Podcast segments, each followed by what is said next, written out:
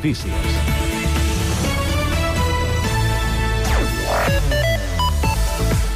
Bon dia. L'equip de govern porta a aprovació inicial del ple d'octubre d'avui la seva proposta d'ordenances fiscals per a l'any vinent.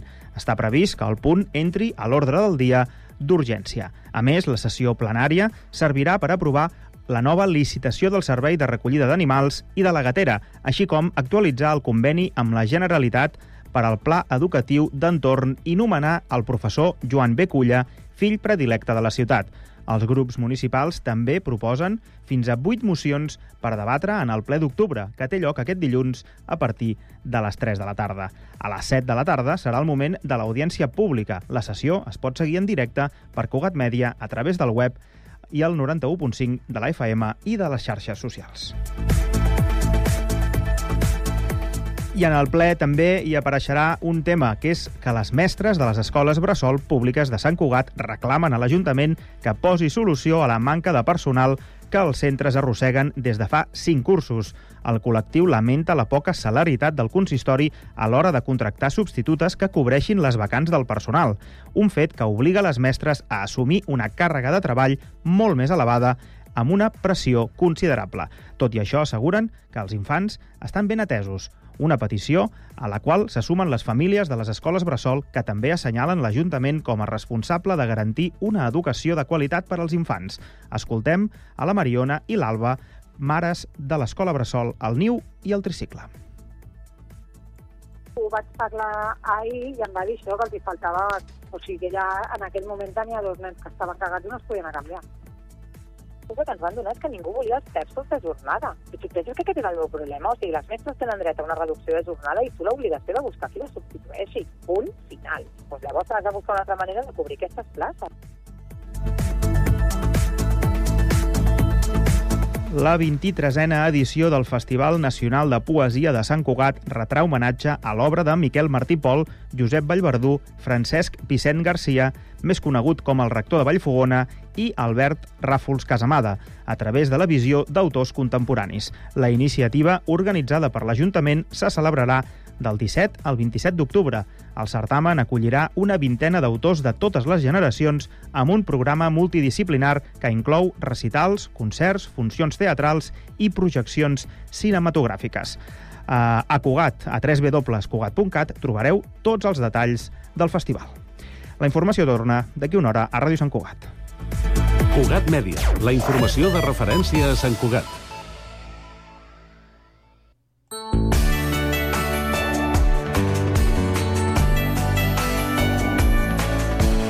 Ràdio Sant Cugat, Cugat Mèdia, 91.5 FM. Hora Sant Cugat, a Cugat Mèdia. Connecta't al patrimoni. Avui, en la revisió que fem del patrimoni del Connectats, ens aturem a Cal Quitèria, a Sant Cugat. Es tracta d'una casa pairal de finals del segle XIX, actualment de titularitat pública, que acull el Centre Grau Garriga d'Art Tèxtil Contemporani. Aprofundirem en aquesta joia arquitectònica de la mà de l'Alba Rodríguez, directora del Museu de Sant Cugat. Aquest podcast és una producció de Ràdio Sant Cugat. Alba, bona tarda. Bona tarda. Avui parlem, jo deia, d'una altra de les joies eh, que tenim a, a la ciutat. Parlem de Calquitèria. Explica'ns de qui era propietat i una mica quina és la seva història. Doncs, mira, és una, una casa que la va construir eh, un, un membre de la família Païssa i és interessant perquè, de fet, va estar durant cinc generacions a mans de la mateixa família fins que finalment va passar a, a propietat municipal, no? I la seva història és, és interessant perquè s'emmarca en, en la història del que diem el Sant Cugat del Vi, que és, de fet és el Sant Cugat del Vi, però és una història compartida amb molts altres municipis del país, no? de, del Vallès, del Baix Llobregat, del Penedès, perquè va haver-hi una època al llarg del segle XVIII i sobretot al segle XIX en què l'economia vitivinícola va ser com el motor eh, econòmic i d'expansió. El territori s'especialitza no? en el conreu de la vinya, l'elaboració del vi. Això comporta uh, la, la construcció de noves cases per acollir els, els, els pagesos no? que conreaven aquestes vinyes. Llavors, es, en totes les viles i totes les ciutats actuals se, queden segurament, no? bueno, segur, vaja, um, indicis uh, d'aquesta època i Sant Cugat és un dels llocs on, on es manté més. No? I Calquitèria és una petita joia, diguéssim, dintre d'aquest context. Un... Eh una història, la d'aquesta casa pairal, que dèiem, no, Masia no és, és casa pairal, per què? Per, què? per, la, per la ubicació, no? Sí, exacte. Bueno, una masia és, és una casa de pagès, no? que per definició és una, és, eh, forma part del poblament dispers, no? no està en una ciutat o en un poble, sinó que està en el territori, envoltada de camps, que, i, i bueno, és, és, és això, un, l'assentament típic del, del poblament dispers i que el Quiteri és una casa urbana que quan es construeix forma part d'una renglera de cases eh, dintre d'una urbanització d'aquest període, no? de finals del, del segle XIX, que, bueno, que s'emmarca en aquest context que comentava no? de, de creixement eh, econòmic i creixement urbanístic. No? És un moment una mica que li diem la febre d'or del vi, un moment d'eufòria, no? de, perquè és un moment de bonança econòmica, els pagesos s'enriqueixen no? amb la producció del vi, coincideix amb el moment en què Uh, hi ha la filoxera a França, que França era com el, el principal competidor de, de, de l'elaboració del vi. Uh, llavors, com que passa la filoxera, es queden sense produir i tots els altres uh, veïns... Uh, aprofiten l'ocasió. Exacte, aprofiten l'ocasió i és, el, és aquesta eufòria no? que, que venen vi a, a gran quantitat i s'enriqueixen i això deixa empremta en, en els pobles perquè bueno, s'amplien, fan cases um, amb millors condicions Molt senyorials, estàndards. no? De grans dimensions, perquè Bueno. Calquitèria és, eh, és una edificació que avui la veiem i fins i tot la façana allò fa patxoca. Correcte, exacte. O sigui, la a Calquitèria en principi estava prevista com una casa urbana a més, però al ser a l'extrem d'una renglera, no? Um, diguéssim que van aprofitar la, una casa que es va construir l'any 1879 que alerta també perquè 1879 és la data que entra la filoxera a Catalunya, ja està, és un presagi no, del que vindrà després, però el 1879 es construeix i el 1884 es reforma remodelant la façana sud, que és la façana que dona el sol, i llavors així que allà agafa els aires d'una masia. Per això té aquest aspecte de masia, no? perquè és una casa urbana que aprofita la mitgera uh, de l'extrem per poder uh, bueno, fer bueno, una mica lluir no? la bonança de la, de la família que en aquell moment estava construint la casa. No? Hem de dir, tu deies, està al final de la renglera i és que és cantonera. Exacte, és una casa cantonera davant d'una antiga riera que ara, bueno, ara també amb el creixement urbà ha desaparegut, no es veu, està sota, sota del paviment, i llavors és una casa que per l'exterior, tal com dius, és com una casa d'aspecte senyorial, i a l'interior, eh, de totes formes, es manté, tot i que ja està remodelada i ara acull aquest centre eh, d'art tèxtil, conserva bastant l'estructura original i molts dels elements originals i es veu com eh, és la típica estructura de casa pagesa, no? amb els espais de treball pagès, el celler, el, els llocs d'elaboració del vi, eh, i després l'espai més d'estada de, de, de, de la família. No? Una, una petita sala, la sala de rebre amb unes pintures, que després, si vols, les comentem, que són molt interessants. Eh, a la planta pis, les, les habitacions amb alcova... Bueno, això s'ha perdut una mica per, per la remodelació, però encara es pot observar no? aquestes traces. Són dues plantes? Dues plantes i la planta golfes, uh -huh. que és la planta on abans eh, s'assecava el producte de, um, agrícola no? i on també es, es tenien les aus, no? entre altres coses, criaven pollastres i d'allò i, i, bueno, és tot molt interessant també perquè eh, també volia dir no, que a la família Païssa vam tenir l'ocasió de poder parlar amb els últims Païssa que havíem viscut a la casa, especialment amb la Maria Païssa, que ens va donar moltíssima informació no, de la vida que hi feien i conserven també moltes fotografies, moltes llibretes, llibretes al llarg del segle, del segle XX, no? dels, dels, dels, dels pares, els avis, dels besavis pagesos, on recollien pues, bueno, moltes coses del dia a dia i que, i que ens donen compte de, de com es vivia aleshores. Mm -hmm. Si féssim una fotografia, a veure, fem una descripció de, de com és aquesta façana, que té un element que és com molt identificatiu, no?, de, i, i molt eh, representatiu, que és aquest rellotge de, de, de, de sol. Sí, sí, sí. I és una façana que expliquem al públic perquè es pugui fer una idea. Ja hem parlat de dues plantes més golfes, Uh -huh. eh? però l'aspecte que té... Doncs, bueno, com hem dit, no? és, una, és una façana que té un aspecte de masia. Llavors, l'element més característic, segurament, o el que més destaca és la part superior, perquè té aquestes obertures eh, com si fos una galeria d'una masia, no? I a sobre de tot això queda coronat per aquest rellotge, rellotge de sol que es va restaurar eh, amb les obres que es van fer de cara a la, a la remodelació de l'edifici, gràcies també perquè conservem un dibuix de com era la casa el 1884, i allà es podia veure bé com era, com era aquest rellotge. És, és un dibuix que, bueno, que conserva la família Païssa i que, bueno, que és, que és molt, molt interessant per aquest, per aquest motiu, no? I en l'original hi havia una torre? Sí, això és l'altra cosa que volia comentar. En origen també tenia una, una torre que, que, bueno, una torre que sobresortia dos plantes per sobre de la coberta i aquesta torre finalment es va desmuntar Bueno, ara queda com l'arrencada de la torre, diguéssim, no? Perquè en el seu moment també van posar un molí de vent per poder eh, extreure aigua de pou i poder-la pujar a la, a la casa i sembla ser que la torre tapava o frenava el vent que arribava fins al molí. I total, que van decidir desmuntar aquesta, aquesta torre. Uh -huh. eh, cal criteri el nom d'on prové? Pues és una d'aquestes altres uh, anècdotes interessants. Sembla que sé que el fill del, del, la, del Josep Païssa, que va construir la casa, deia molt sovint eh, valga'm Santa Quitèria, no? Tenia com aquesta dita que la deia contínuament, i d'aquí li va quedar aquest sobrenom. Uh -huh. Una santa que no té res a veure amb Sant Cugat, per altra banda, no? Però bé, és aquesta la història. És el que va servir per donar nom a, Mm. a, aquesta, a aquesta casa. Eh, per cert, eh, em sembla que també en, en la seva construcció hi ha un eh, element que té eh, a veure amb els guarniments, no? Que, que es feien a mm, el que avui coneixem com a Cal Gerrer, no?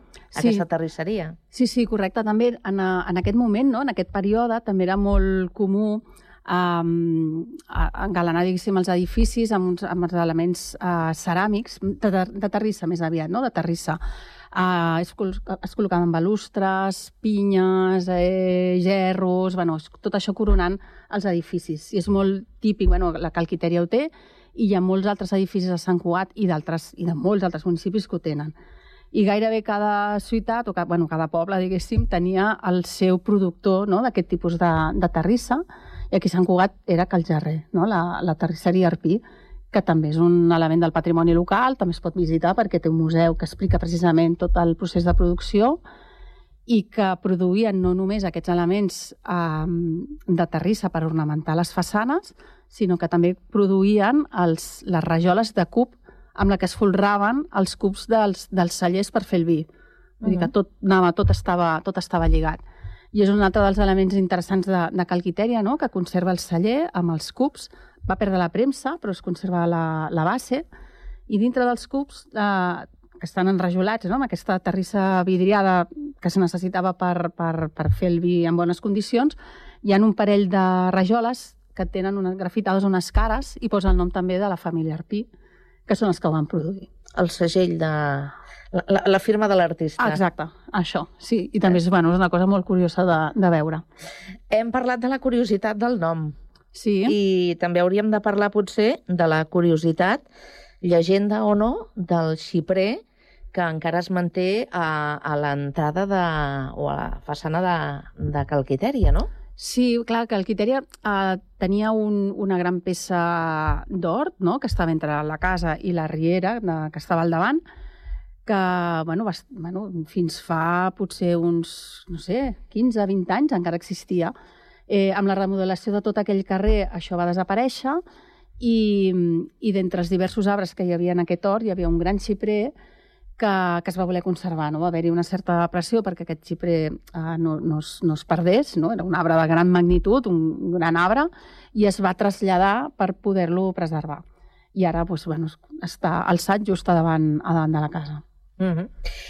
I arribem a, a l'actualitat. Hem parlat una mica de, de la història, de l'origen d'aquesta casa pairal i en els nostres dies eh, Calquitèria és eh, sinònim de, de, de, de, de centre mu- museístic eh, dedicat a, a l'art tèxtil. És el Centre Grau Garriga d'Art Tèxtil eh, Contemporani, que s'obre a partir del març del 2019. Correcte, sí, sí. Eh, què s'hi pot eh, trobar quan el visitant? Perquè imagino que hi ha les exposicions que són eh, eh, puntuals, però quin és, diríem, l'objectiu d'aquest centre?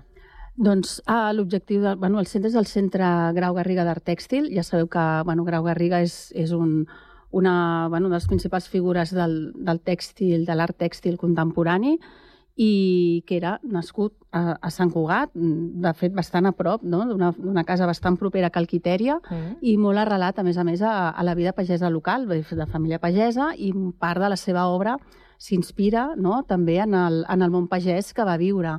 Llavors, en certa manera, pues, tanca una mica aquest cercle no? de vincular pues, la figura de Grau Garriga amb, els, amb aquests orígens pagesos. No? I bueno, es pot veure, hi ha unes, unes exposicions eh, eh, temporals, eh, sempre hi ha gent en l'entorn del món del tèxtil i bueno, podeu consultar a través de la seva web i dels seus gestors no? tot, el que, tot el que aquest espai ofereix. Doncs avui hem fet eh, un passeig. Eh, us convidem a tots, si teniu curiositat, eh, per descobrir doncs, eh, el que avui hem intentat eh, dibuixar eh, aquesta joia de, de l'arquitectura santcugatenca i de, i de la història del municipi, Cal Quitèria, aquesta casa pagesa, que avui hem repassat amb l'Alba Rodríguez, la directora del Museu de Sant Cugat. Alba, moltíssimes gràcies. A vosaltres. Recupera aquest podcast a la xarxa Més i a la web de la teva emissora local.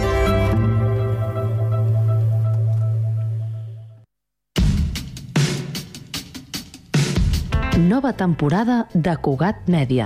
Les mirades, les veus, les emocions, els batecs, els vincles. Consulta la programació a www.cugat.cat. Cugat Mèdia. Arribem a tu amb tots els sentits. Cada cap de setmana ens posem en joc. Futbol, bàsquet, hoquei patins, handbol, waterpolo... Una temporada diferent amb la màxima intensitat. Més esports, més categories, més directe. Dissabte i diumenge a les 8 del vespre a la teva ràdio local. Ràdio Sant Cugat. www.cugat.cat Hora Sant Cugat, a Cugat Mèdia. Entrenant la creativitat amb la Roser Martínez.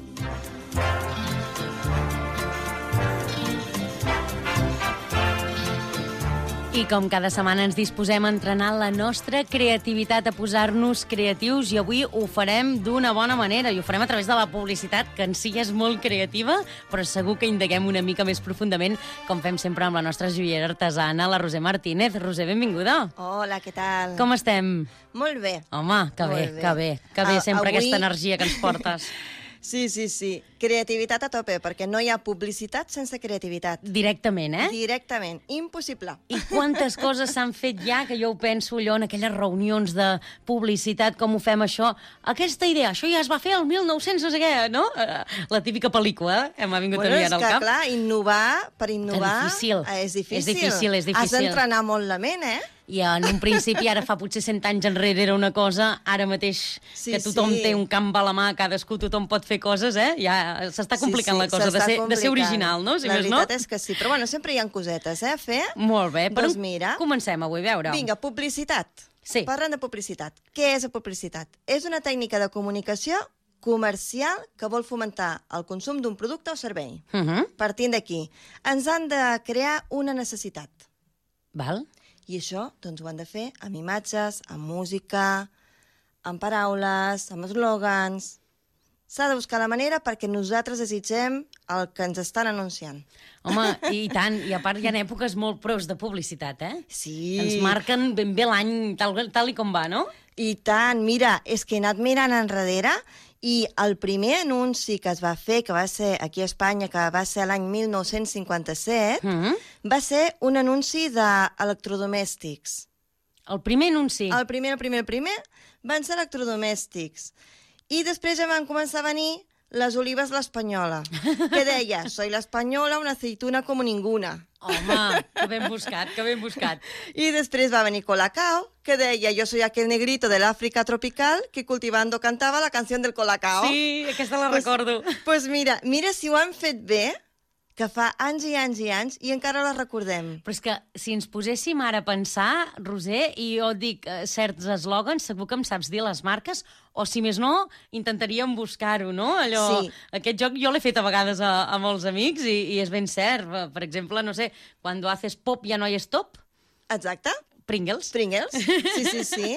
Per sí, exemple, sí. eh? Ara he ficat aquí... Però també no et passa que a vegades et quedes amb l'anunci perquè et marca i no recordes que anunciaven? Pot molt ben ser. Això passa amb les de Colònia. Mai he entès per què són tan sensuals, que no té res a veure amb la Colònia, però denoten... Et quedes amb la imatge. Exacte. Aquella barca, Ai, sí. amb el noi amb el jersei de ratlles, Sí, amb el mini, mini banyador. la noia que es fica en una piscina d'or i surt tota daurada. Exacte. Però veus, ens en recordem de la imatge. I tant. Sí. Però no saps si estaven quina tipologia de colònia estaven anunciant. Això no ho recordem, és el que ens deies, eh? Sí, que això a mi me va passar ara mirant anuncis i va haver un anunci molt, molt i molt famós, que era un nen que, que agafava el telèfon i deia Hola, soy Edu, feliz Navidad. Sí. Pues no me'n recordava de quina companyia era. Ah, no, jo tampoc. Ah, Però la veus? cançó s'ha quedat... Hola, soy Edu, feliz Navidad. La cançó s'ha quedat.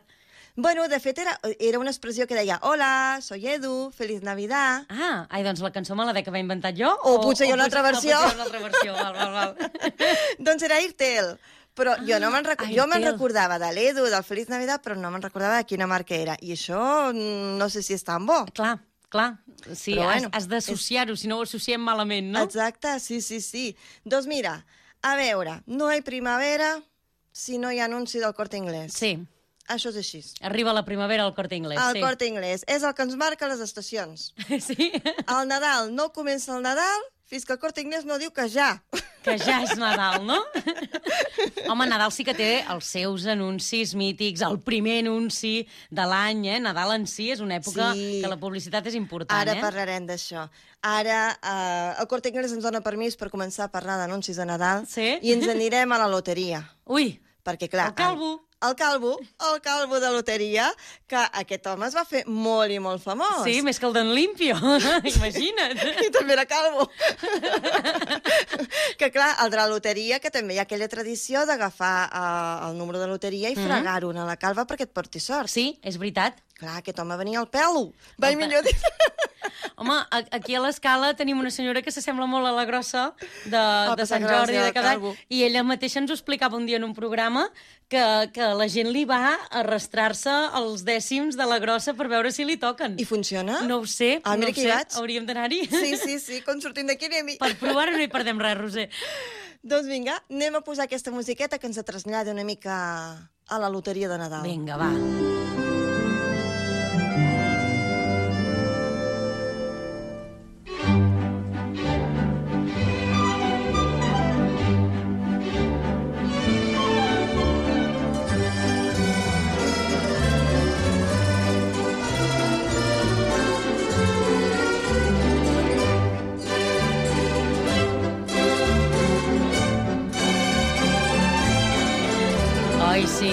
estem completament immersos. Jo em veig ara ballant aquí eh, en plan vals, no? Eh, en un gran saló com de la Sis Imperatriz o una cosa així.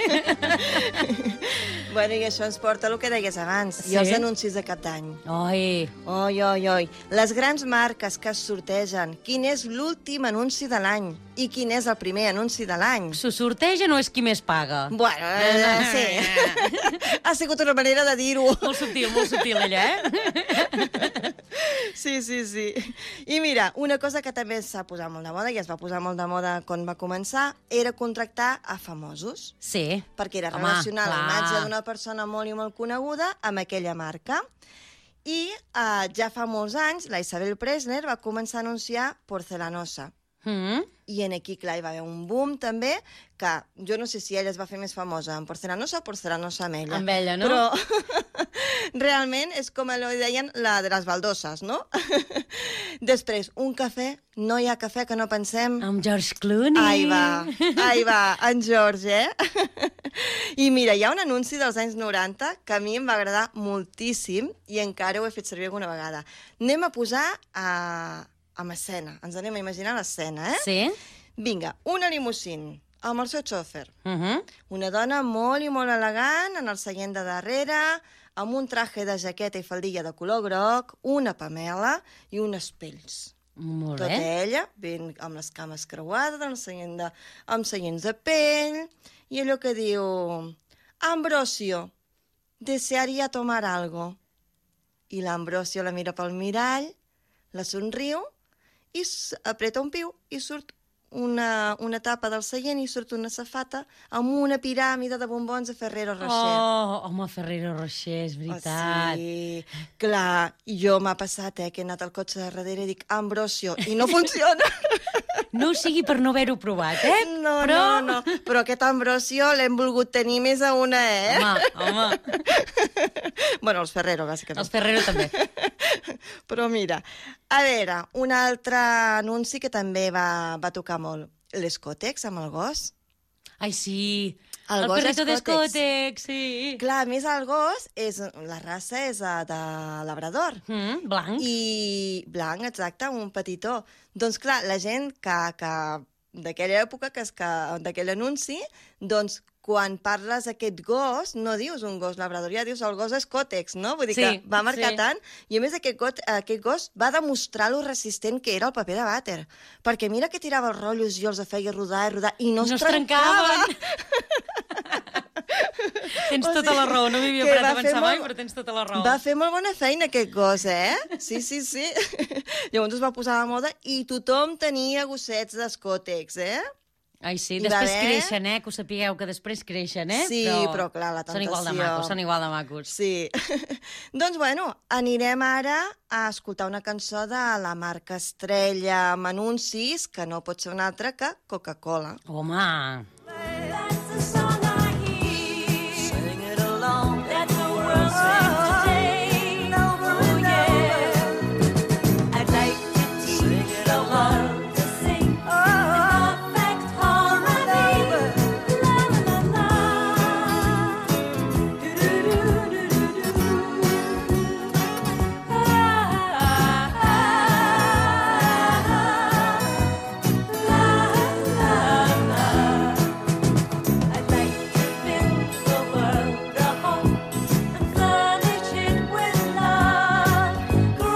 hem de dir que Coca-Cola són uns artistes en publicitat, eh?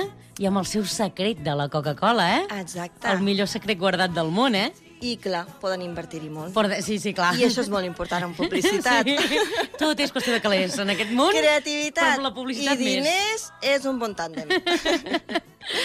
doncs mira, aquest anunci va ser un dels millors de la marca. De Sí, fet, no? aquí va ser on es veien diferents, o sigui, moltes persones de Mhm. diferents ètnies que es donaven la mà i el missatge era la pau. Sí, no? sí, pau sí, el recordem, terra. el recordem. I clar, aquest... eh, Mans de tots colors, sí, no? i és un dels anuncis més, més famosos de, de la marca. Home, sí. que han anat innovant, eh? Uh, Sí. Ara ja També- costa més veure publicitat perquè xup, ja no, no? ja no mirem tanta televisió convencional Sí, jo- i jo anem no més miro- a plataforma, però... Sí, jo bàsicament no miro tele, o sigui que ara mateix no sé què hi ha, eh? però... Les però dues sí. estem igual, eh, doncs? Uh, jo, jo tampoc et puc aconsellar gaire ara mateix. No, no. I la competència, en aquell moment, bueno, la Pepsi, sí. doncs va optar per contractar Michael Jackson. Oh! I aquí sí que va ser un bombazo també per la Pepsi. I tant. I un paston, segurament, I un també. paston, segur, segur, vaja. Mira, parlem d'una altra beguda. Quina? Ara ens en anem a Red Bull. Mm, te da alas. Sí? Mira, veus? doncs l'any 2005 va enviar un satèl·lit amb el seu logotip a l'espai. Què dius? Sí. Això no ho I sabia. va ser el primer cop que es va posar un anunci a l'espai exterior. El satèl·lit va transmetre imatges en viu del viatge i al tornar a la Terra es va convertir en una peça publicitat, de publicitat viral. Carai! Sí, sí, sí, sí, es va fer servir això i, i és... Bueno, mm, si ho busques a Google ja veuràs, és tota una història que hi ha i van ser innovadors amb aquest tema. Carai. O sigui que revolte d'ales i un coet. Sí. A mi els que, t'ho haig de dir, eh, però els que m'al·lucinaven de beguda, no sé si ho portaves previst, eh, però els mixta. Ay, sí, hola, Sabía soy mixta. mixto, yo soy mixta. Tú lo que estás viendo es un cerdo volando, no? Tú lo que estás viendo es un cerdo volador. Però A mi em va agradar. Eren originals, sempre. Doncs no fa gaire vaig anar amb un viatge en tren a, vaig anar a Madrid amb la meva parella i, i va sorgir el tema i li vaig dir hola, soy mixto i no se'n recordava de l'anunci li vaig, li vaig fer hola, soy mixto i jo soy mixta, mira, m'he enamorado no, no, no, no. i era un sàndwich amb una cervesa, no? Sí, sí, exacte. doncs eren, eren originals, també. Sí, sí, sí, doncs mira, a veure, ens anem ara a directors eh, i directores de cinema Mm. que han entrat també en el món de la publicitat. A veure. I una d'elles és Isabel Coixet, que a mi m'agrada molt aquesta dona. Sí. I va ser durant molts anys eh, que feia les campanyes a Evax i a Osònia. Sí. I justament un anunci que va cridar molt l'atenció, que no el va gravar ella, o sigui, no el va dirigir ella justament en aquest per, per temes que no podia ser, però després va tornar a dirigir, que eren A què huelen les nubes? Simpson, Simpson. Sí. Feien això? Que també és un anunci que encara queda, no? A què huelen les nubes? Home, perquè clar, hi ha productes i productes. També és molt difícil, depèn, jo què sé, si has d'anunciar supositoris, com fas un anunci interessant de supositoris? És que clar, l'altre és que tu facis un Ferrero Rocher, que el producte en si ja té glamour, no? Però Sí. no, no sempre és fàcil, eh? Bueno, però mira el paper de vàter. Amb les Cotex també li va trobar Van el seu buscar- gran què, van eh? buscar el què, i tant, O sigui que sí, mira, sí. és donar-li la volta. doncs vale, i després hi ha anuncis que s'han convertit en curtmetratges. Sí, home, Això ja... a mi què m'estàs portant a l'estiu? No sé si vas per Espera, aquí. espera, espera, Ah, primer deixa'm dir. Primer deixa... A veure, a veure... Campo Frío. Sí. Campo Frío fa unes històries, sobretot molt emotives, també, i l'estrella l'estrella, com no és Estrella d'Am. Exacte. que aquest no hi ha... Això és com el Corte Inglés. No hi ha estiu sense anunci de l'Estrella d'Am. Exacte. Que van crear el Mediterràneamente. Sí. Eh?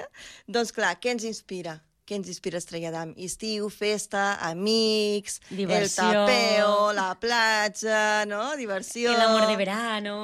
Clar.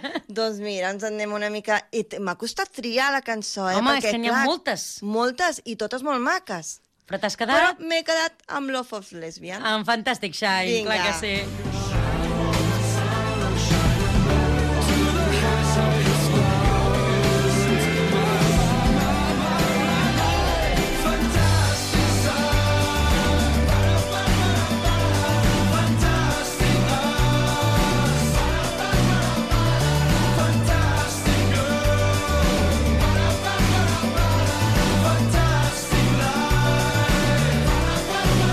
Tot és fantàstic a l'estiu, tot és fantàstic. meravellós. doncs sí, estem a la tardor, però no us deprimiu, eh? Ja no passa res, els estius tornen, eh, que sí? Torna, torna, i tornarà el calvo. Home, també, també. Ara, ara sí, ara ens, va, ens centrem amb el, amb el calvo. I com sempre acabem amb el nostre tip creatiu, com hem d'entrenar la nostra creativitat aquesta setmana. Roser, a veure, sorprèn-me. Però espera, que abans el tip Ui. vull dir una coseta. Quina, quina, quina? Sí, sí, sí, que això és a la campanya de L'Oreal i Sí? t'ho diuen a tu. Cristina, porque tú lo vales. Oh, gràcies, gràcies. I tu tienes un pelo pantent. I ara anem al tip. Vinga, va, fem el Va, tip. que fem treballar una mica la memòria.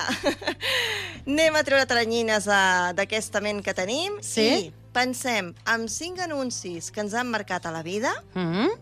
per imatge, per eslògan, el que deien per la música, N'hem deixat molts sigui. sobre la taula avui, eh? Sí, anem a escriure cinc anuncis i a veure si fem uh, lo d'associar quin producte ens anunciaven, perquè ens podem sorprendre i que ens passi això.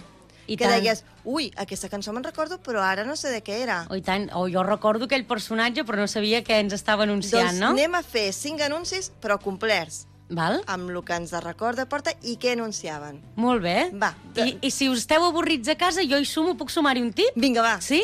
És molt divertit jugar als anuncis. Quan comencen, i tu amb la parella, amb l'amic, amb el pare, amb la mare, amb qui vulguis, allà amb qui endevina primer qui és la, quin és l'anunci que surt per la televisió. O podem anar a buscar els antics, que també seria molt més divertit. També, també. Home, i tant. Bueno, a Spotify hi ha una llista de, de músiques d'anuncis. Sí? Clar, Ai, també doncs pots posar mira. la llista aquesta i dir, ah, això era... Val? L'únic que no vol mirar la llista, eh? perquè si no ja ho sabríeu, eh? Però... No, no, no, només surt la cançó, no et surt... No, No et surt el producte. No, ah? no, no. no. Ah, doncs això m'agrada. Vinga, Ah, va, doncs mira. farem això també. Ens ficarem molt creatius. Roser, com sempre, és un plaer. Moltíssimes gràcies. Gràcies. Ens retrobem la setmana que ve. I tant. I vinga, ara no és ben bé estiu. Ens n'anem més aviat cap a l'hivern, però ens agrada sempre aquesta cançó. L'acabem d'escoltar. Gràcies. Gràcies.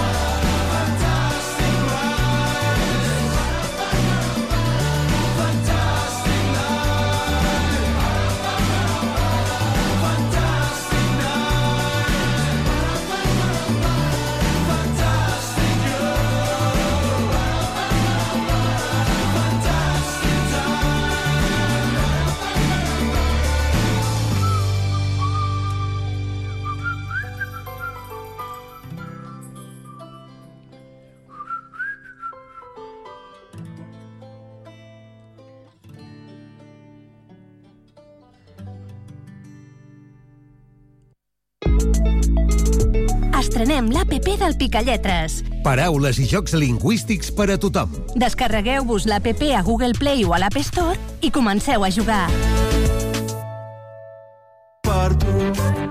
Per tu, amb el taller Jeroni de Moragas, un programa fet per persones amb diversitat funcional i intel·lectual. Som el programa per tu, del taller Jeroni de Moragas. Aquest mes al taller han començat amb nosaltres dues voluntàries internacionals de l'associació Bíblia. Seguim amb la secció de notícies. Marc. El Gerard Piqué ha decidido que ya es hora de irse. Com a notícia extraordinària volem presentar a Maria Branyes Morena. Aquest mes de febrer el tenim ple de concerts i espectacles. Y hasta aquí nuestro programa. Per tu, cada mes a Ràdio Sant Cugat, Cugat Mèdia.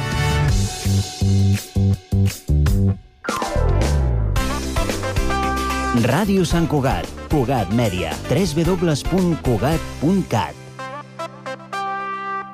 Hora Sant Cugat és un contenidor radiofònic de continguts santcugatencs. Continguts en xarxa.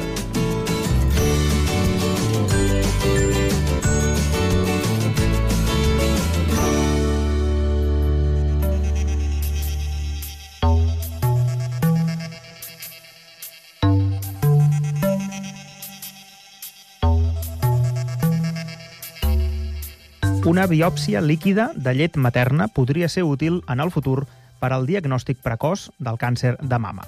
Aquest és el descobriment que han fet un equip d'investigadores i investigadors del Vall d'Hebron Institut d'Oncologia, que han comprovat que la llet materna de les pacients amb càncer de mama diagnosticades durant l'embaràs o el postpart conté ADN tumoral, circulant que podria servir per diagnosticar el tumor en etapes primerenques en el futur. Els resultats d'aquesta investigació, que s'ha publicat a la revista Cancer Discovery, són fruit de la preocupació d'una pacient amb càncer de mama de transmetre la malaltia al seu nadó durant la lactància. En parlem amb la líder de la investigació, la doctora Cristina Saura, cap de la unitat de mama de l'Hospital Universitari Vall d'Hebron i del grup de càncer de mama del Vall d'Hebron Institut d'Oncologia. Benvinguda. Què tal? Moltes gràcies. Uh, una de les grans preocupacions uh, de la investigació oncològica habitualment és la detecció precoç, no? Uh, per tant, la vostra descoberta és molt important. En què consisteix exactament? Doncs efectivament, no? com deies, sabem que l'oportunitat que tenim de curar el càncer és moltes vegades detectar-lo abans, perquè com menys cèl·lules hi ha del tumor, eh, més probable és aquesta curació, que és l'objectiu que tenim tots. No?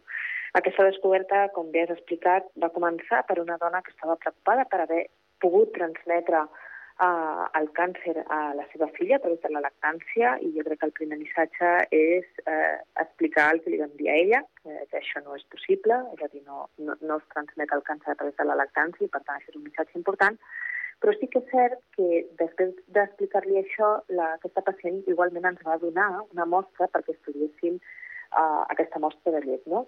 I va ser eh, a l'inici del projecte el fet de que en aquesta mostra de llet que s'havia recollit 18 mesos abans del seu diagnòstic de càncer ja vam trobar les mateixes mutacions que tenia el tumor, no? I a partir d'aquí doncs, va començar el projecte. Molt bé. Per tant, um, ara, diríem, la investigació diríem, ha pogut comprovar això, no? Ara, qui, quins són els passos que ha de seguir, eh, que heu de seguir, fins que eh, allò que es diu sempre, no?, es pugui fer apli aplicació clínica d'aquest descobriment? El primer que vam fer eh, després d'aquesta dona va ser veure si realment això havia sigut una troballa singular o passava amb més dones i vam veure que això es reproduïa amb més dones amb la mateixa situació, diagnosticades de càncer de mama durant l'embaràs o el postpart i que podíem analitzar la llet i el tumor i veiem sempre el mateix, no? que les mutacions que trobàvem al tumor estaven presents a la llet. I recollint mostres de sang en el mateix moment, la sang era negativa. I això és perquè la quantitat d'ADN que hi ha a la llet materna és molt més alta que en la que trobem a la sang. Vale? A partir d'aquí, el que vam fer perquè fins ara sempre el que fèiem era mirar el tumor quines mutacions hi havia i anar a buscar-les a la llet. Però nosaltres li volíem donar una utilitat per diagnòstic precoç. Llavors, nosaltres no sabem quines mutacions tindrà el tumor que desenvoluparà cada dona i el que vam fer, juntament amb el laboratori de genòmica, va ser construir un panell de gens que incloguessin les mutacions més freqüents en dones diagnosticades de càncer de mama a edat jove. I aquest panell ja l'hem aplicat en aquestes dones i aquestes mostres que havíem recollit i sabem que té una sensibilitat de més del 70%. És a dir, que eh, més del 70% de dones que tenien eh, el tumor present érem capaços de detectar-les amb aquest panell. No? I a partir d'ara ens queda l'última part i la més important eh, per passar el que preguntaves al principi, no? a l'aplicació pràctica. Ara hem de veure si realment aquest panell que hem dissenyat és útil per fer detecció precoç de càncer en pacients sanes, és a dir, que no tinguin un càncer diagnosticat. Llavors, en aquest moment ens trobem en la situació que estem buscant finançament per aquest estudi, en el que el nostre objectiu és reclutar a 5.000 dones sanes eh, que tinguin factors de risc per patir càncer, com ser un embaràs a una edat avançada, hem establert els 40 anys com una edat eh, avançada, i després eh, dones sanes però que siguin portadores d'alguna mutació que sapiguem que augmenta el seu risc vital de patir un càncer de mama. Amb mutacions en BRCA1, BRCA2, el B2 o RAT51C o D. Llavors, en aquesta situació el que farem és incloure les dones en el projecte i recollir mostres de llet i de sang i fer-los una ecografia al pit, que és la prova d'imatge que millor detecta un tumor durant la lactància. I eh, fent el seguiment d'aquestes 5.000 dones durant almenys dos anys, podrem veure si realment el test que hem dissenyat és útil per fer diagnòstic precoç i eh, detectem els tumors doncs, abans que oferir una prova radiològica o abans que una pacient tingui símptomes. Molt bé. Doncs eh, realment és un, un pas bastant eh, important i, i, i vaja, molt, molt, molt esperançador en, aquest, en aquest sentit. Um, per tant, um, així resumint, eh, quan parlàvem de la biòpsia, biòpsia líquida, no? és a dir, seria agafar una, eh, una, una, una dona sana, es pot fer una biòpsia quan es quedi, entenc que és quan es quedi embarassada, no? que és quan es produeix la, la llet materna, i en, en, si amb aquesta taula que, que heu produït i, i que eh, es genera, diríem, en aquests dos anys es comprova realment la, la seva eficàcia, doncs es podrà detectar en una persona sana a través de la llet materna si té el risc en un futur de, de, patir, de patir càncer de, de mama. És així, sí, no? Seria, sí, seria recollir la mostra després del part, no quan es queda embarassada, sinó després del part. Després no? del part. Mhm. Recollir la, la mostra de llet i llavors analitzar-la i fer el seguiment a partir d'aquell moment en el projecte. No? I Mhm. d'aquí uns anys esperem poder parlar no? i explicar-vos què ha passat amb aquests resultats no? I I, tant. I veure si realment ja podem fer pues, una prova de diagnòstic precoç en el postpart. No? I seria recollir, al final, si això funciona, mm, el que impactaria en la pràctica habitual seria pues, el que avui fem amb els nadons, que fem la prova del taló, pues, podríem fer una recollida d'una mostra de llet per analitzar i descartar que aquella dona no tingués o pogués desenvolupar uh, un càncer de mama. Uh -huh. Molt bé. Llavors, amb, a l'origen, no? poseu molt l'accent en, en com es va iniciar aquesta investigació. No? És, és habitual, diríem, iniciar una investigació d'aquest nivell amb, amb això, no? Amb, amb una pacient que us diu, és a dir, a ningú se li havia acudit vincular una cosa amb l'altra, no? Entenc, fins que algú t'obre la porta o et, o et, fa, et posa la llum en un, en un lloc concret. Bueno, la ciència moltes vegades avança per casualitat, no? Llavors, la dona realment no, ens ani... no anava perquè ella tenia una preocupació eh, i per la seva preocupació ens va donar una mostra de llet, nosaltres vam decidir analitzar-la i vam trobar unes mutacions i ens podíem haver quedat aquí. És a dir, podríem haver fet un paper o un manuscrit on haguéssim descrit doncs, que trobàvem les mutacions de la, del tumor de la llet i, i ja està. Però nosaltres a Bio ens caracteritzem doncs, per intentar fer la ciència útil no? i per portar-la a la pràctica. I no ens hem quedat aquí, sinó que a partir d'aquestes troballes hem dit, ostres, això com ho podríem utilitzar, no? I, i sabent de la importància de la prevenció i del diagnòstic precoç, doncs vam fer aquest esforç amb el laboratori de genòmica de dissenyar el panell de gens que ara volem tastar a veure si ens serveix, no? Però és cert que, que la recerca bàsica és superimportant i és clau per donar passos endavant, no? I, i és per on començar tota la recerca. Però un pas més és fer aquesta recerca translacional no? i donar-li sentit o utilitat pràctica a aquestes troballes, no? i és el que estem fent en el projecte i ens falta doncs, l'últim pas per comprovar que realment això Mhm. pugui ser útil o no, potser no ho és, eh? no, no ho sabem a dia d'avui, però, però estem il·lusionats i esperançats en que puguem obrir aquest camí eh, futur de tenir una nova prova per diagnòstic precoç de càncer de mama. Tant de bo sigui així. Perfecte.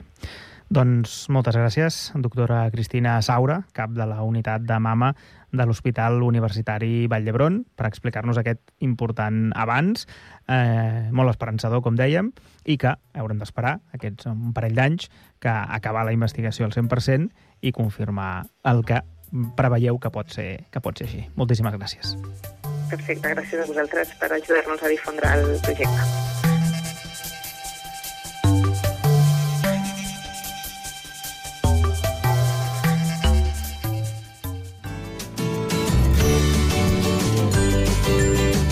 Continguts en xarxa.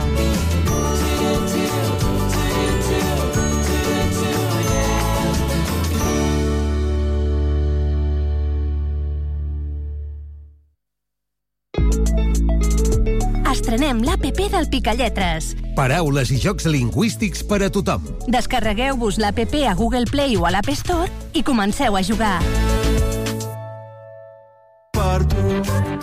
Per tu, amb el taller Jeroni de Moragas, un programa fet per persones amb diversitat funcional intel·lectual. Som el programa per tu, del taller Jeroni de Moragas. Aquest mes al taller han començat amb nosaltres dues voluntàries internacionals de l'associació Bíblia. Seguim amb la secció de notícies. Marc. El Gerard Piqué ha decidido que ya es hora de irse. Com a notícia extraordinària volem presentar a Maria Branyes Morena. Aquest mes de febrer el tenim ple de concerts i espectacles. Y hasta aquí nuestro programa. Per tu, cada mes a Ràdio Sant Cugat, Cugat Mèdia.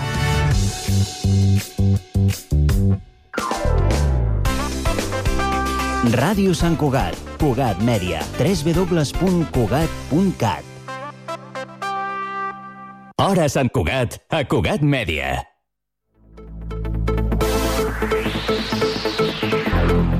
L'altre esport, amb Eli Jiménez. Ens retrobem una setmana més en l'Altre Esport, el programa que us apropa als esports minoritaris de casa nostra. I avui, aprofitant aquests últims dies de bon temps, abans que arribi el fred, parlarem de refugis de muntanya. Els refugis de muntanya són edificis destinats a allotjar i també a protegir de les inclemències meteorològiques a alpinistes, a excursionistes i se situen en zones de muntanya o en altres zones normalment de difícil accés. Al Pirineu català hi ha un bon nombre de refugis repartits per tot el territori, que es divideixen en refugis guardats i refugis lliures. Una gran part dels refugis guardats estan gestionats per la Federació d'Entitats Excursionistes de Catalunya. Són bastant grans, ofereixen una sèrie de serveis bàsics i estan oberts a l'estiu i en períodes de vacances. En l'absència del guarda, a més d'aquests refugis guardats, tenen un espai per a unes poques places que es fan servir també com a refugi lliure. Entre aquests refugis guardats hi figuren l'alberg excursionista de l'Albiol, al Baix Camp, el refugi Agulles, a la Noia, el Certascan, Mallafré, als Estanys de Sant Maurici i el Vall Ferrera, al Pallars Sobirà, el refugi Colomina, al Pallars Jussà, el Coma de Vaca, al Ripollès, la Morera de Montsant, al Priorat, l'Estanys de la Pera i el Prat Aguiló, a la Cerdanya, el Fontferrera, al Montsià, el Lluís Estassen, el Pedraforca, el Sant Jordi i el Serra d'Ensija, al Berguedà. La Federació d'Entitats Excursionistes de Catalunya també gestiona alguns refugis no guardats. En aquest cas són refugis més petits i estan sempre oberts, sense guarda. Disposen de lliteres, també d'em- d'emissora d'emergència i de material de rescat. I com a refugis lliures tenim el Bessi Berri a l'Alta Ribagorça, el Ballau, Broate i Montroig al Pallars Sobirà, el Costa Bona, el Ripollès i el Moliers a la Val d'Aran.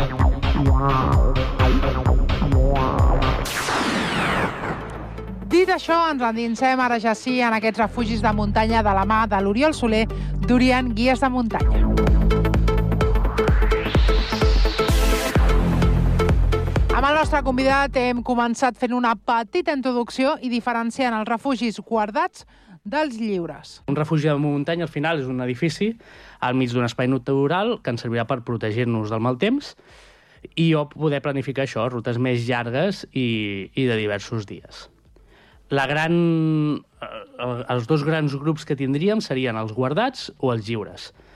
Als guardats sempre hi ha una persona eh, que s'encarrega de, de, de l'allotjament. Vindria a ser, per entendre'ns, una casa rural, no?, al mig de la muntanya, eh, amb les característiques de que estigui al mig de la muntanya, que això és important, i ja hi parlarem, eh, on tenim uns serveis mínims, uns serveis que serien allotjament, bar-restaurant, um, que, que nosaltres podem contractar des d'un principi o inclús, si passem per allà, doncs podem parar fer un entrepà Mhm. O a fer el que, el que sigui. També hem parlat de la reconversió dels refugis durant i després de la pandèmia. De fet, hi ha refugis que cada cop se n'acostumen més, inclús a partir de, del tema del Covid, que, no, que va ser una gestió molt complicada. Pensem el tema de, dels refugis de muntanya, habitacions de 10, 15, 20 persones, gestió de Covid va ser molt complicat, que de fet alguns inclús van tancar allotjaments d'interior i van habilitar uns espais a fora amb tendes de campanya i, i de més.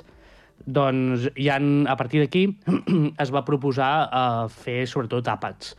I ara inclús alguns allotjaments, alguns refugis de muntanya han deixat no a banda, però han, han obert una altra, com una altra manera, una altra línia de negoci, que és el, el tema dels àpats, de- d'anar a menjar a un refugi de muntanya. Alguns exemples són els refugis de la Serra d'Ensija, de Udater i el Lluís Estassen, que està just a sota del Pedraforca. I allà és típic pues, anar a fer la paella de muntanya i, i de més. No? Aleshores, ja no és tant el, el tema de, de contractar l'allotjament, no? de fer la pernocta, sinó d'anar a, a, a fer la ruta d'un dia i aprofitar i dinar un bon, un bon tiberi no? allà al mig de la muntanya. Anem ara amb un dels temes més controvertits, els preus. Què passa? Els preus varien també depenent de, de les característiques del refugi. No? Està clar que normalment els preus, per exemple, de la només per nocta, jo diré que estan entre 10 i 20. Avui dia ja estan més cap als 20, perquè sí que és veritat que abans doncs, amb 10 euros pernoctaves, dormies a, en el refugi i, i, i el dia següent marxaves. Però ara és veritat que les- s'ha encarit una mica. Uh, hi ha l'opció de pernocta o hi ha l'opció de pernocta més esmorzar, esmorzar i dinar o pensió completa, no? que pensió completa ja ens aniríem a 50, 60, 70 euros depenent del refugi. I la pregunta és per què és tan car tot això, no? Uh, normalment eh, hi ha la, la típica, el que ens ve al cap, no? la Coca-Cola de 3 euros de, del refugi de muntanya. la resposta és com ho porten allà, bàsicament. Ja sigui amb helicòpter, uh, portant-ho al, als, als guardes a l'esquena durant la ruta que hi hagi des del cotxe fins al propi refugi, refugi dos, tres hores carregant les Coca-Coles, l'aigua, el menjar, eh, l'arròs per la paella, tot a l'esquena, amb burros, per sort això es va, cada cop es va fent menys, Però, bueno, bàsicament és mm, quines maneres tenen de portar tot el que nosaltres utilitzarem en allà, tot el que nosaltres necessitarem, fins al refugi. Per tant, per això s'encareix tant el, el, el menjar i, i el, el cost d'allà. Hi ha el, el, la part del refugi, ha la part de, de menjar, inclús alguns, eh, tot i que es va adaptar molt en tema de Covid, però també tenen, ja tenien, la zona de pernocte de zona d'acampada, que bàsicament doncs, és una zona en un espai protegit, com pot ser, per exemple, un parc nacional, que no es podria acampar, al costat del refugi tenen un espai habilitat on sí que podríem acampar i aleshores, per tant, s'ha de fer algun, algun tipus de pagament. Uh, sempre serà molt més econòmic que, per exemple, pernoctar dins del, del refugi. Parlem també de la diferència entre acampada i pernocta. Com a norma general, la paraula acampada està prohibida. No es pot acampar. I eh, en el cap hem de tindre acampar vol dir muntar la tenda, muntar les taules, les cadires, eh, l'hamaca, no? fer un campament. Campament està prohibit en, en tot espai natural. Sí que és veritat que cada comunitat autònoma, per exemple en Espanya, eh, té la seva normativa, però en general la- l'acampada està prohibida. El que sí que es pot és pernoctar, que pernoctar seria de 8 a 8, és a dir, des de que es pon el sol, quasi bé, fins que torna, torna a sortir. Dins d'aquest horari representa que és eh, supervivència, no? És, jo estic fent una ruta, necessito algun lloc on, on poder dormir còmodament. Doncs en aquesta situació sí que puc muntar una tenda. I jo puc programar una ruta d'alta muntanya on hi hagin uns espais on jo dormiré, però sempre dins d'aquest horari i que simplement el dia següent a les 8 del matí jo recullo i ho deixo exactament igual sense, sense haver modificat l'entorn. Um, algunes comunitats, per exemple, uh, com Astúries, um, només deixen acampar a partir de 1.500-1.600 metres d'alçada. Això fa de que hagis de planificar molt bé la ruta per, per dormir uh, en aquestes alçades. Més a baix estaria, estaria prohibit, per tant, molt en compte amb, amb això. I després hi hauria l'altra opció, que és no portar tenda i fer bivac. Bivac, al final, és dormir al ras, es portaria igual que en, en una tenda doncs, la màrfaga i el sac, i aquí el que se li podria afegir és una funda de sac, una funda de bivac, que és un plàstic que transpira, els, els més bons, i dormiríem al ras. Hi ha gent que el que porta és un tarp o un plàstic addicional per poder ficar a sobre i fer una miqueta de toldo en cas de pluges o que gires el temps. Clarament, si anem a fer bivac, hem de saber-ho fer, que al final és molt fàcil, és estirar-te a un lloc i, i dormir, però hem de mirar si ens tocarà el vent, no ens tocarà el vent, la, la previsió meteorològica és superimportant, no és el mateix passar una tempesta en una tenda, dins d'un refugi, o al ras. Aleshores, molt en compte amb això, perquè mm, no podem anar aquí a la muntanya directament a, a dormir en bivac, perquè podem, podem tindre bastant serios problemes. I avui ens acomiadarem amb les rutes de refugis més típiques de Catalunya. Ho deixem aquí i ens retrobem en dues setmanes. I per últim, eh, rutes típiques de, de refugi, no? Rutes amb refugis podem tindre moltes, ja ho hem comentat al principi, de que podem fer rutes d'un dia, jo vull anar a fer un cim, i, i si el, el desnivell és molt alt, doncs tinc opció de, de dormir a la meitat i, i fer-ho en dues etapes, o ja sigui per necessitat o per gust, no? Al final, doncs també és una experiència a dormir en un refugi i molta gent ho, ho aprofita. Les dues típiques rutes que tenim a Catalunya de, de refugis, no? que vas alternant diferents refugis, serien la que ja hem comentat alguna vegada, Cavalls del Vent i Carros de Foc. Cavalls del Vent està al Parc Natural del Cadí Moixeró, són 85 quilòmetres la ruta més llarga, amb 5.600 metres de desnivell, per tant, ja déu nhi i són 8 refugis. Lo interessant d'aquestes travesses que tu pots fer la travessa sen- sencera de Cavalls del Vent, pots fer mitja Cavalls del Vent, o pots fer simplement enllaçant la ruta de cotxe a cotxe, important, doncs fer un o dos dies de, de ruta. Però en allà ho veus que està tot molt ben senyalitzat i, i és molt fàcil de gestionar el tema dels refugis a partir d'un mateix portal de, de reserves. I l'altra opció seria Carros de Foc, el Parc Nacional d'Aigües Tortes, l'únic parc nacional que tenim aquí a Catalunya, que serien 65 quilòmetres la ruta més llarga, 9.200 metres de desnivell, i aquí ens trobem nou refugis diferents. I és les mateixes característiques. Podem fer tot a carros de foc, mitja, o eh, fer nosaltres la nostra ruta que, que ens interessi per, per la zona, alternant un, dos o més refugis de, de dins del Parc Nacional.